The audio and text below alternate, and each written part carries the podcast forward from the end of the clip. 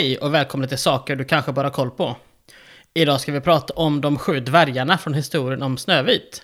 Vilka är de? Vad är deras ursprung? Och kanske framförallt, vad heter de? Snövit är en gammal historia som funnits i en mängd olika skepnader under historien, men vars mest kända version idag måste sägas vara Disneyfilmen från 1937. Historien nedtecknades dock första gången år 1812 av bröderna Grimm och dvärgarna har redan där en stor och viktig roll. Precis som i den mer kända Disney-filmen kom Snövit i Bröderna Grimms version till dvärgarnas stuga när dvärgarna inte var hemma. Men där Snövit i Disney-versionen, som tack för att få stanna, erbjöd sig att städa och laga mat med mera, så är det i Grimm-versionen så att dvärgarna kräver att hon ska ta hand om deras hushåll för att hon ska få bli kvar. När Snövit blivit förgiftad av den förtrollade drottningen och till synes är död, vill dvärgarna inte begrava henne utan placerar henne i den kista av glas och guld som prinsen sen hittar henne i. Det är alltså till stor del tack vare dvärgarna som Snövit och prinsen får sitt lyckliga i alla sina dagar slut.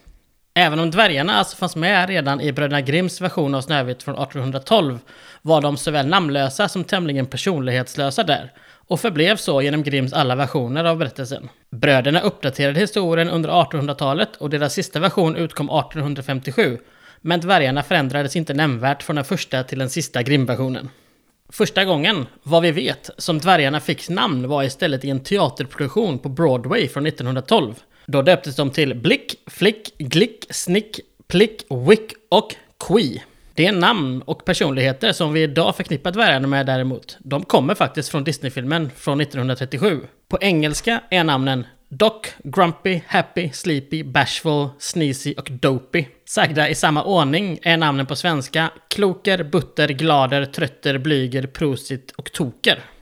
Det finns två svenska dubbningar av Disneyfilmen. Den första från 1938, då gjordes rösterna av Rune Karlsten som Kloker, Stig Järrel som Butter, Carl Gunnar Wingård som Glader, Ragnar Falk som både Trötter och Prosit samt Nils Hultgren som Blyger.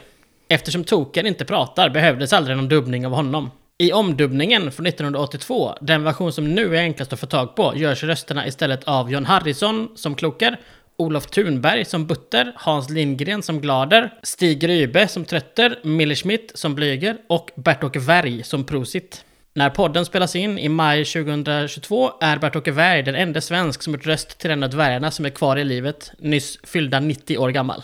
Detta var saker som du kanske bör ha koll på om de sju dvärgarna från historien om Snövit. Har du tips eller annat till podden, mejla tipsapodden at gmail.com. Vi hörs igen om en vecka.